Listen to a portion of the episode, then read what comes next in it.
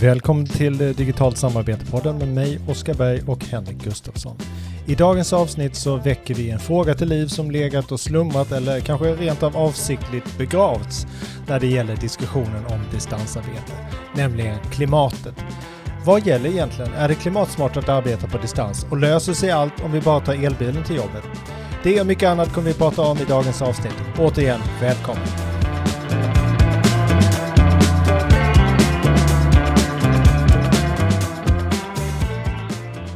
Men vad härligt. Hej Oskar! Hej Henrik! Nu är vi idag, heta på gröten. idag är vi heta på gröten och det är pang på. Vi kan väl säga att i den här poddserien så har vi pratat en hel del om eh, det digitala arbetets betydelse. Eller hur? Väldigt ja. mycket för att försöka beskriva det ur medarbetarnas situation och hur det påverkar organisationer. Men idag vill vi lyfta en av frågorna som verkligen berör oss alla på global nivå, eller hur? Ja, absolut. Eh, vi behöver ju drastiskt minska utsläppen av växthusgaser för att undvika en klimatkatastrof som vi, det känns ju verkligen som att det brinner i knutarna bokstavligt och bildligt. Ur det perspektivet så tycker ju både du och jag att Eh, det är galenskap, om jag får lägga ord i din mun här då, att eh, tvinga medarbetare eller bara uppmuntra medarbetare att ta sig in till jobbet när de kan arbeta på distans. Eh, vi går miste om en, en stor fördel med distansarbete om vi inte ser det här och agerar på påverkan som finns av pendling och även jobbrelaterat resande, tjänsteresor eh, på klimatet och möjligheterna då som distansarbete, ökat distansarbete. Det kan ju även ske, det behöver inte bara vara att man jobbar hemifrån om man säger så. Man kan ju också jobba på distans i tjänste, istället för tjänsteresor. Ja, det är ju helt klart så att om vi kan öka distansarbetet och det digitala arbetet så är det en viktig del i att möta det här överhängande klimathotet. Så att mm. det borde ju vara värt att ägna åtminstone ett poddavsnitt åt denna fråga. Absolut, och jag, man kan ju tillägga att det är nästan som en perfekt storm här också. Det borde bli när influensasäsongen slår på, vi har höga elpriser, drivmedelspriser. Jag förstår inte varför då inte distansarbetet och det här möjligheten att, att jobba på distans då när vi har också klimataspekten av det här, att det inte kommer upp mer på agendan igen. Det är väl folk som är trötta efter pandemin. Alltså, att prata om klimatet, det känns lite omodernt på något sätt. Jag vet inte varför det, varför det är så. Det har ju liksom fallit i glömska känns det som. Det är, det är knäpptyst eh, om klimatet tycker jag i den här eh, diskussionen om distansarbete. Nej, och det, det, det är inte bara så att säga kring den här frågan som vi ska belysa extra idag utan jag kan uppleva att klimatfrågan var ganska död under valrörelsen som vi hade här ja. eh, alldeles nyss. Det är kanske inte bara en känsla från min eller vår sida utan det var ju 2000 svenska forskare som, som kom med inlägg och mm. beskrev det här i en artikel i augusti som sa att just det att, att svenska partier övergett klimatpolitiken, och jag, jag mm. citerar här nu, och står istället för en politik som går stick i stäv med Parisavtalet och Sveriges klimat och miljömål. Mm. Och ja. efterlyser ett ledarskap och sen efter det i september så kom det ett upprop från 227 stycken svenska bolag som mm. också efterlyste ett ledarskap och försökte argumentera att eh, det också handlar om investeringar som lyfter fram Sveriges positioner eh, mm. som dessutom då kan vara väldigt lönsamma för Sverige.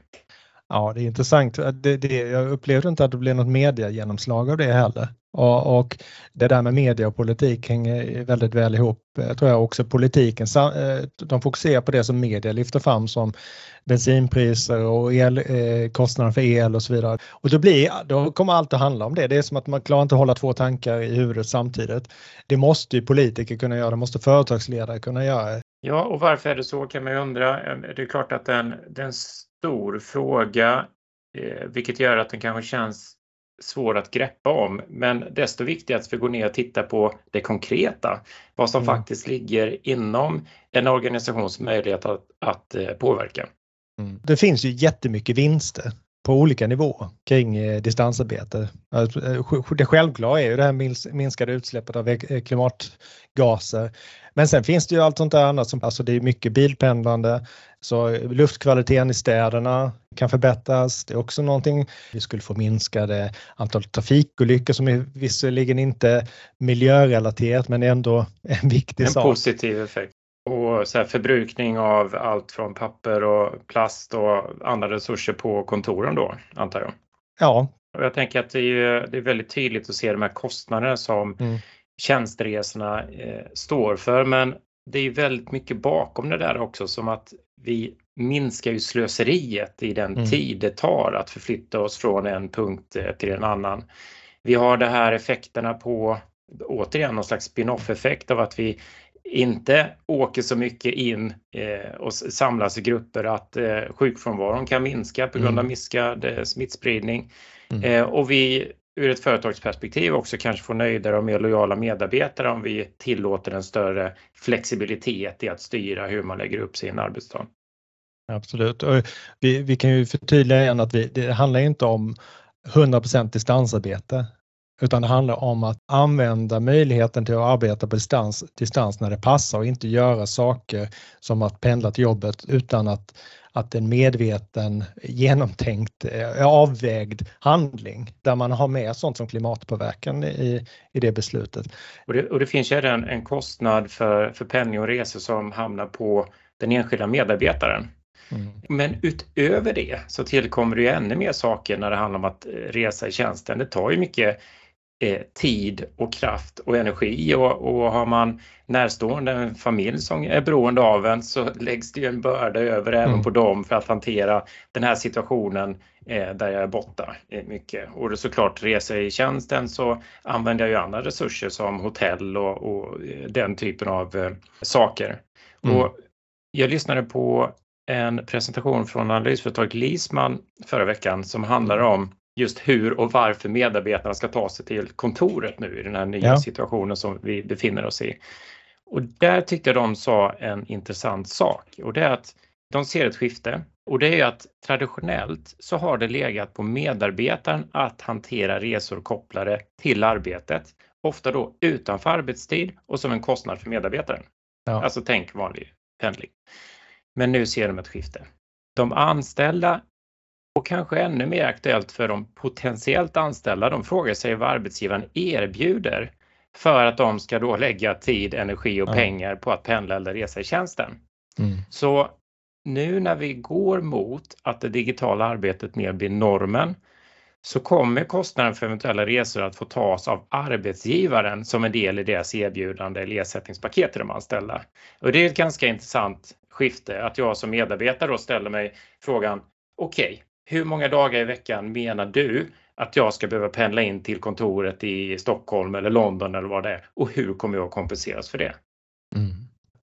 Nej, men när man tittar på det här med tjänsteresor så eh, tycker jag det är intressant att den största klimatpåverkan kommer från flygresorna då. Så att sett utifrån miljömålen som Sveriges miljömål så finns det naturligtvis ett intresse av och eh, ett försök att uppmuntra tågresandet istället för flygresandet. Och vad vi såg under pandemin, det var ju en väsentlig minskning av flygresandet och därmed minskad klimatpåverkan av tjänsteresorna. Företag och organisationer lägger jättemycket pengar, 45 miljarder ungefär, på resor i tjänsten varje år. Då. till det tillkommer då alla resor i offentliga sektorn som vi inte har någon siffra på. Så det här är jättemycket pengar också. Det är inte bara klimatpåverkan utan det är också en fråga om pengar. Men det allvarligaste i det här är att så pass mycket av det här resandet sker via flyget. Eh, men jag tänkte på det här med tåget då, alltså om vi tittar på alternativet till flyg. Vi har ju sett flera erbjudanden och att det händer saker där man eh, säljer biljetter och försöker hålla samman och synka olika resor och byten av tåg i Europa så att det blir lättare för resenären att komma fram och spara tid, spara väntetid vid olika byten. Eh, och det är ju en, en efterfrågan som ökat. Men det jag fick för tanke kring det här då, har det påverkat affärsresorna i någon större utsträckning? Och då hittade jag en artikel i Aftonbladet som, som säger just att det är en växande trend att företag tar tåget både på konferenser och på affärsresor. Jag har mm. inga siffror på det där. Nej. Men i samma artikel så stod det exempel på hur det kan gå till. När en verksamhet ska ha en konferens så får man då som medarbetare i de verksamheter som bryr sig om det så får man som medarbetare välja mellan att ta flyget eller ta tåget. Okay. Eh, I de fallen, vilket verkar vara det vanligaste, så ligger det alltså på medarbetarna att själv ta det beslutet. Och det är klart att det beror ju då på hur miljöengagerad jag är, vilket beslut jag tar och hur mycket jag egentligen vågar stå emot om alla andra tar flyget eller vad kulturen egentligen säger på arbetsplatsen.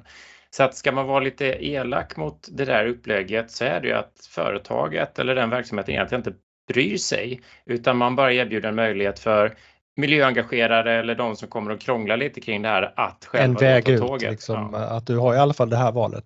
Apropå det här med miljömål så, så finns det ju eh, en sajt som heter Sveriges miljömål eller mal.se där Sveriges miljömål är beskrivna. Det finns ett åtgärdsområde som heter transport och tjänsteresor där.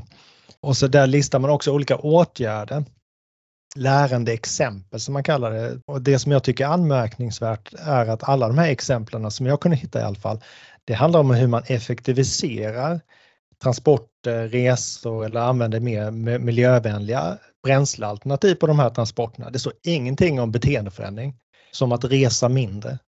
Utan det handlar bara om att ja, vi ska fortsätta i samma spår men vi ska göra det på ett annat sätt.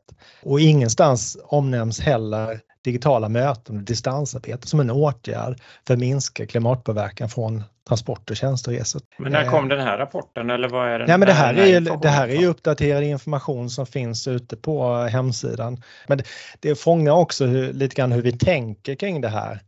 Vi tänker linjärt, vi tänker liksom i samma hjulspår, vi tänker inte på hur vi kan göra istället. Det blir ett väldigt fokus på ny teknik då, ny miljövänlig teknik och så parkerar vi det här med beteendeförändring. Vi brukar använda uttrycket att asfaltera kostigar, att man, man tar till sig ny teknik men man förändrar inte beteendena. Många hyser nog sitt hopp med, eh, kring att minska klimatpåverkan av pendling genom att man byter från fossildrivna eh, fordon till eh, eldrivna. Det kommer naturligtvis ha en effekt men den har ju inte alls samma effekt som om vi slutar resa överhuvudtaget. Det här är otroligt intressant. Att man på något sätt verkar se beteenden som så fasta och nästan huggna. Att det är hugget i sten hur vi väljer att göra när det är egentligen det mjukaste och mest förändliga vi har. Vi, något vi borde ha lärt oss under pandemin eller av pandemin är att det går ju att göra drastiska beteendeförändringar väldigt snabbt. Vi kunde ställa om samhället på några dagar i princip. Naturligtvis var det många saker som vi behövde reda ut men i, i princip kunde vi gå över till distansarbete för de som kunde det på några dagar. Så det går att göra beteendeförändringar om man vill. Och det som driver beteendeförändringar och utveckling mest är kriser. Det är då vi förändrar beteende, speciellt om det här hänger i ett tag. Ett sätt att synliggöra vilka beteenden vi kan och behöver förändra är ju att vi blir bättre på att förstå vilka beteenden vi har och vad de leder till. Mm. Om man, om man googlar fram lite klimatredovisningsrapporter så ser man att det är en stor del som utgörs av pendling. Jag hittade här till exempel på Telge Energi för deras egen verksamhet då, då består pendlingen av 75% av hela den här klimatpåverkanskakan. Kontoret bara 2% Liknande hittar jag på, i andra verksamheter som är mer kunskapsföretag, tjänsteföretag då att pendlingen står ofta för eh, 50 eller mer av den klimatpåverkan som verksamheten har. Och tittar vi på verksamhet där det är mer kontakter med andra så ökar tjänsteresandet där så tillsammans blir det väl 75 give or take. Så, så, för de som faktiskt bryr sig om att eh, titta och vaska fram de här siffrorna och redovisa det så är det väldigt tydligt att, att det kostar mycket. Men vad vet vi om hur de agerar på det här? Ja, eh, vet vi det? Nej, det vet vi inte. Eh. Det, det, det, det, det finns ju de som redovisar naturligtvis det. Jag har hittat kommuner som redovisar vilka klimatinsatser de gör och att de minskar till exempel tjänsteresor genom att uppmuntra och liksom styra om till andra typer av resor. Så att, men jag ser inte mycket av eh, insatser på pendlingssidan då. Mer, mer än då det som kommer indirekt av att man har en annan policy kring eh, distansarbete. Alltså det här är någon slags blind fläck helt enkelt. Vi, det, av någon anledning så ser vi inte eh, de här delarna i vår verksamhet. Eh, Nej, det, det, det intressanta är ju att det är en blind fläck på hög nivå. Alltså men dyker man djupare ner i klimatredovisningsrapporterna och så vidare så syns ju den väldigt tydligt. Det är som att man, man hoppas att ingen ska se dem. Men helst vill man inte lyfta upp de här pajdiagrammen. Skulle det pajdiagrammet visas i anslutning till företagets policy kring eh, distansarbete så skulle ju folk direkt reagera och säga det där doesn't compute. Jag känner mig ytterst förvirrad över att eh, man inte agerar i den utsträckning som man borde här. Vi pratade förra avsnittet om H&M som verkligen gått hårt ut, eh, i alla fall om man ska tolka hur uppropen från medarbetarna mm. eh, där de säger att det är fyra dagar i veckan eh, som gäller på kontoret. Och det var väl inte så väl motiverat varför man vill göra så, men det pratade vi om i, i förra avsnittet. Eh, men uppenbarligen har de ju inte tittat på miljöfaktorerna i alla fall. Nej, det, det som är intressant med H&M här kring eh, just den här aspekten är att de håller en så hög profil i sitt hållbarhetsarbete och uppenbarligen är det ju produktionen som har mest påverkan på klimatet. Så det hamnar i fokus i deras eh, klimatarbete och hållbarhetsarbete naturligtvis. Att det här med eh, klimatpåverkan från pendling till exempel, det blir liksom en droppe i havet. En liksom liten, liten grej som inte betyder så mycket jämfört med allt andra då fokuserar man inte på det.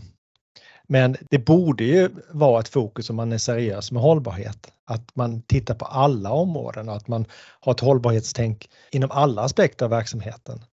Alltså det kan man ju tycka, för vad är en, vad är en droppe i havet då? Om vi ska titta på det.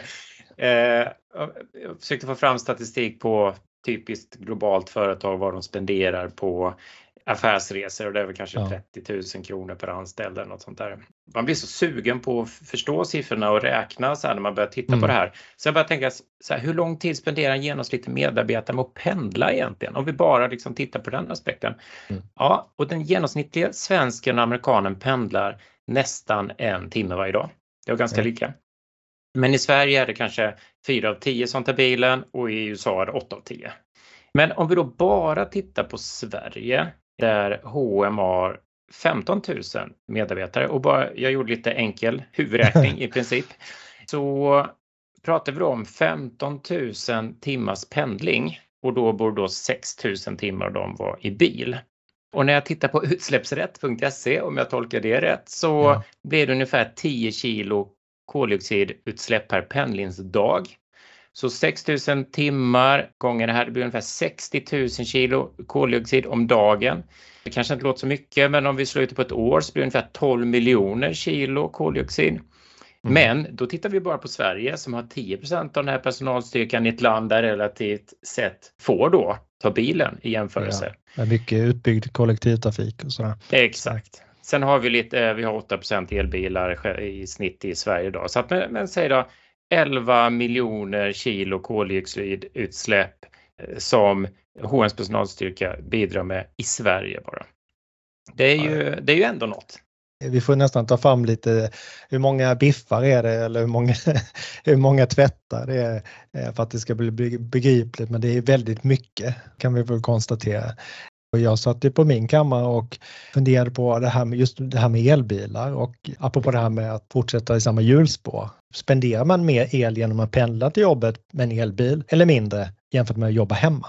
Om du har en elbil och pendlar då i genomsnitt ungefär 30 kilometer per dag tror jag det är genomsnittliga pendlingsavståndet så skulle du landa någonstans på 6 kilowattimmar el som du förbrukar med din elbil. Då.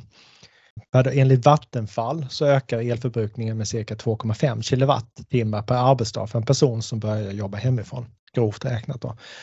Pratar vi om de här 2,5 kilowattimmarna, det utgår vi ifrån att det har att göra med direkt kopplat till arbetet. Att driva belysning och datorer eller värme. Det har ju ändå en relevans utifrån eh, jobbet då, medan pendlingen är inte absolut nödvändig. Nej, men kontentan är att vi löser inte klimatproblemen om vi bara byter alla fossildrivna bilar mot eldrivna bilar. Det är, en, det, är, det är absolut ett steg i rätt riktning, men vi kan göra mycket mycket mer på kortare tid genom beteendeförändring. Och sen är det ju en quick win som man brukar säga på konsultspråk eller lågt hängande frukt. För vi kan, liksom, vi kan plocka den, det går snabbt att göra det och pandemin visar att vi kan göra den. Många vill göra den, vilket är kanske det svåraste med beteendeförändringar. Och vi kan få då en avsevärd effekt på kort tid och naturligtvis varaktig effekt om vi fortsätter med det beteendet. Vi såg att Salesforce har gjort ett eh, experiment och en beräkning på eh, vad de ser för möjligheter i besparingar här, just kopplat till det du är inne på, energiförbrukning om jag är på jobbet eller hemma. Mm. Eh, och de säger eh, att om de låter sina anställda arbeta hemifrån efter pandemin så kommer det att bidra till att minska utsläppen per anställd med 29% Och då har de räknat in just det här att eh, den personliga energiförbrukningen i hemmet. 29 procent, ingen dålig siffra. Vi har lyft fram mycket bra eh, statistik här, väldigt intressant för mig åtminstone. Eh, ska vi ta och försöka runda av eh, det här avsnittet? Det är enkelt att konstatera att ett ökat distansarbete och digitalt arbete minskar pendling och jobbrelaterat resande, vilket i sin tur minskar klimatpåverkan. Det, det går ju inte att ifrågasätta. Eh, men varför är det då så få organisationer som agerar i praktiken på det här? Jag väljer att vara hoppfull här och tror att det handlar om eh, mer om okunskap än ovilja.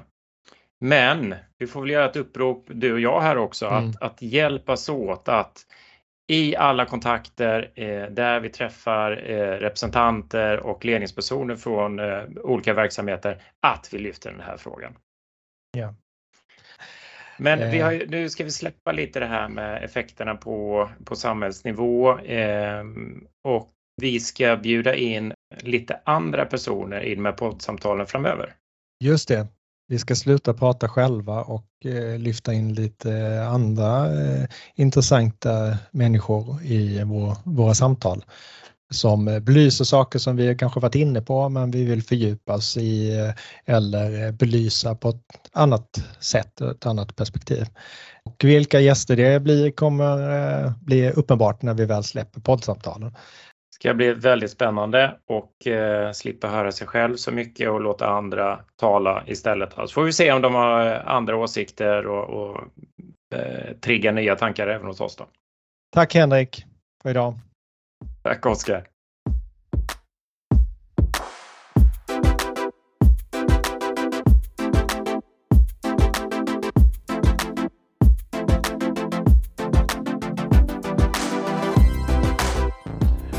Vi avslöjar inte mycket mer än att konstatera att vi kommer ha en massa intressanta samtal framöver som vi själva ser mycket fram emot och vi hoppas att du är med oss även i dessa.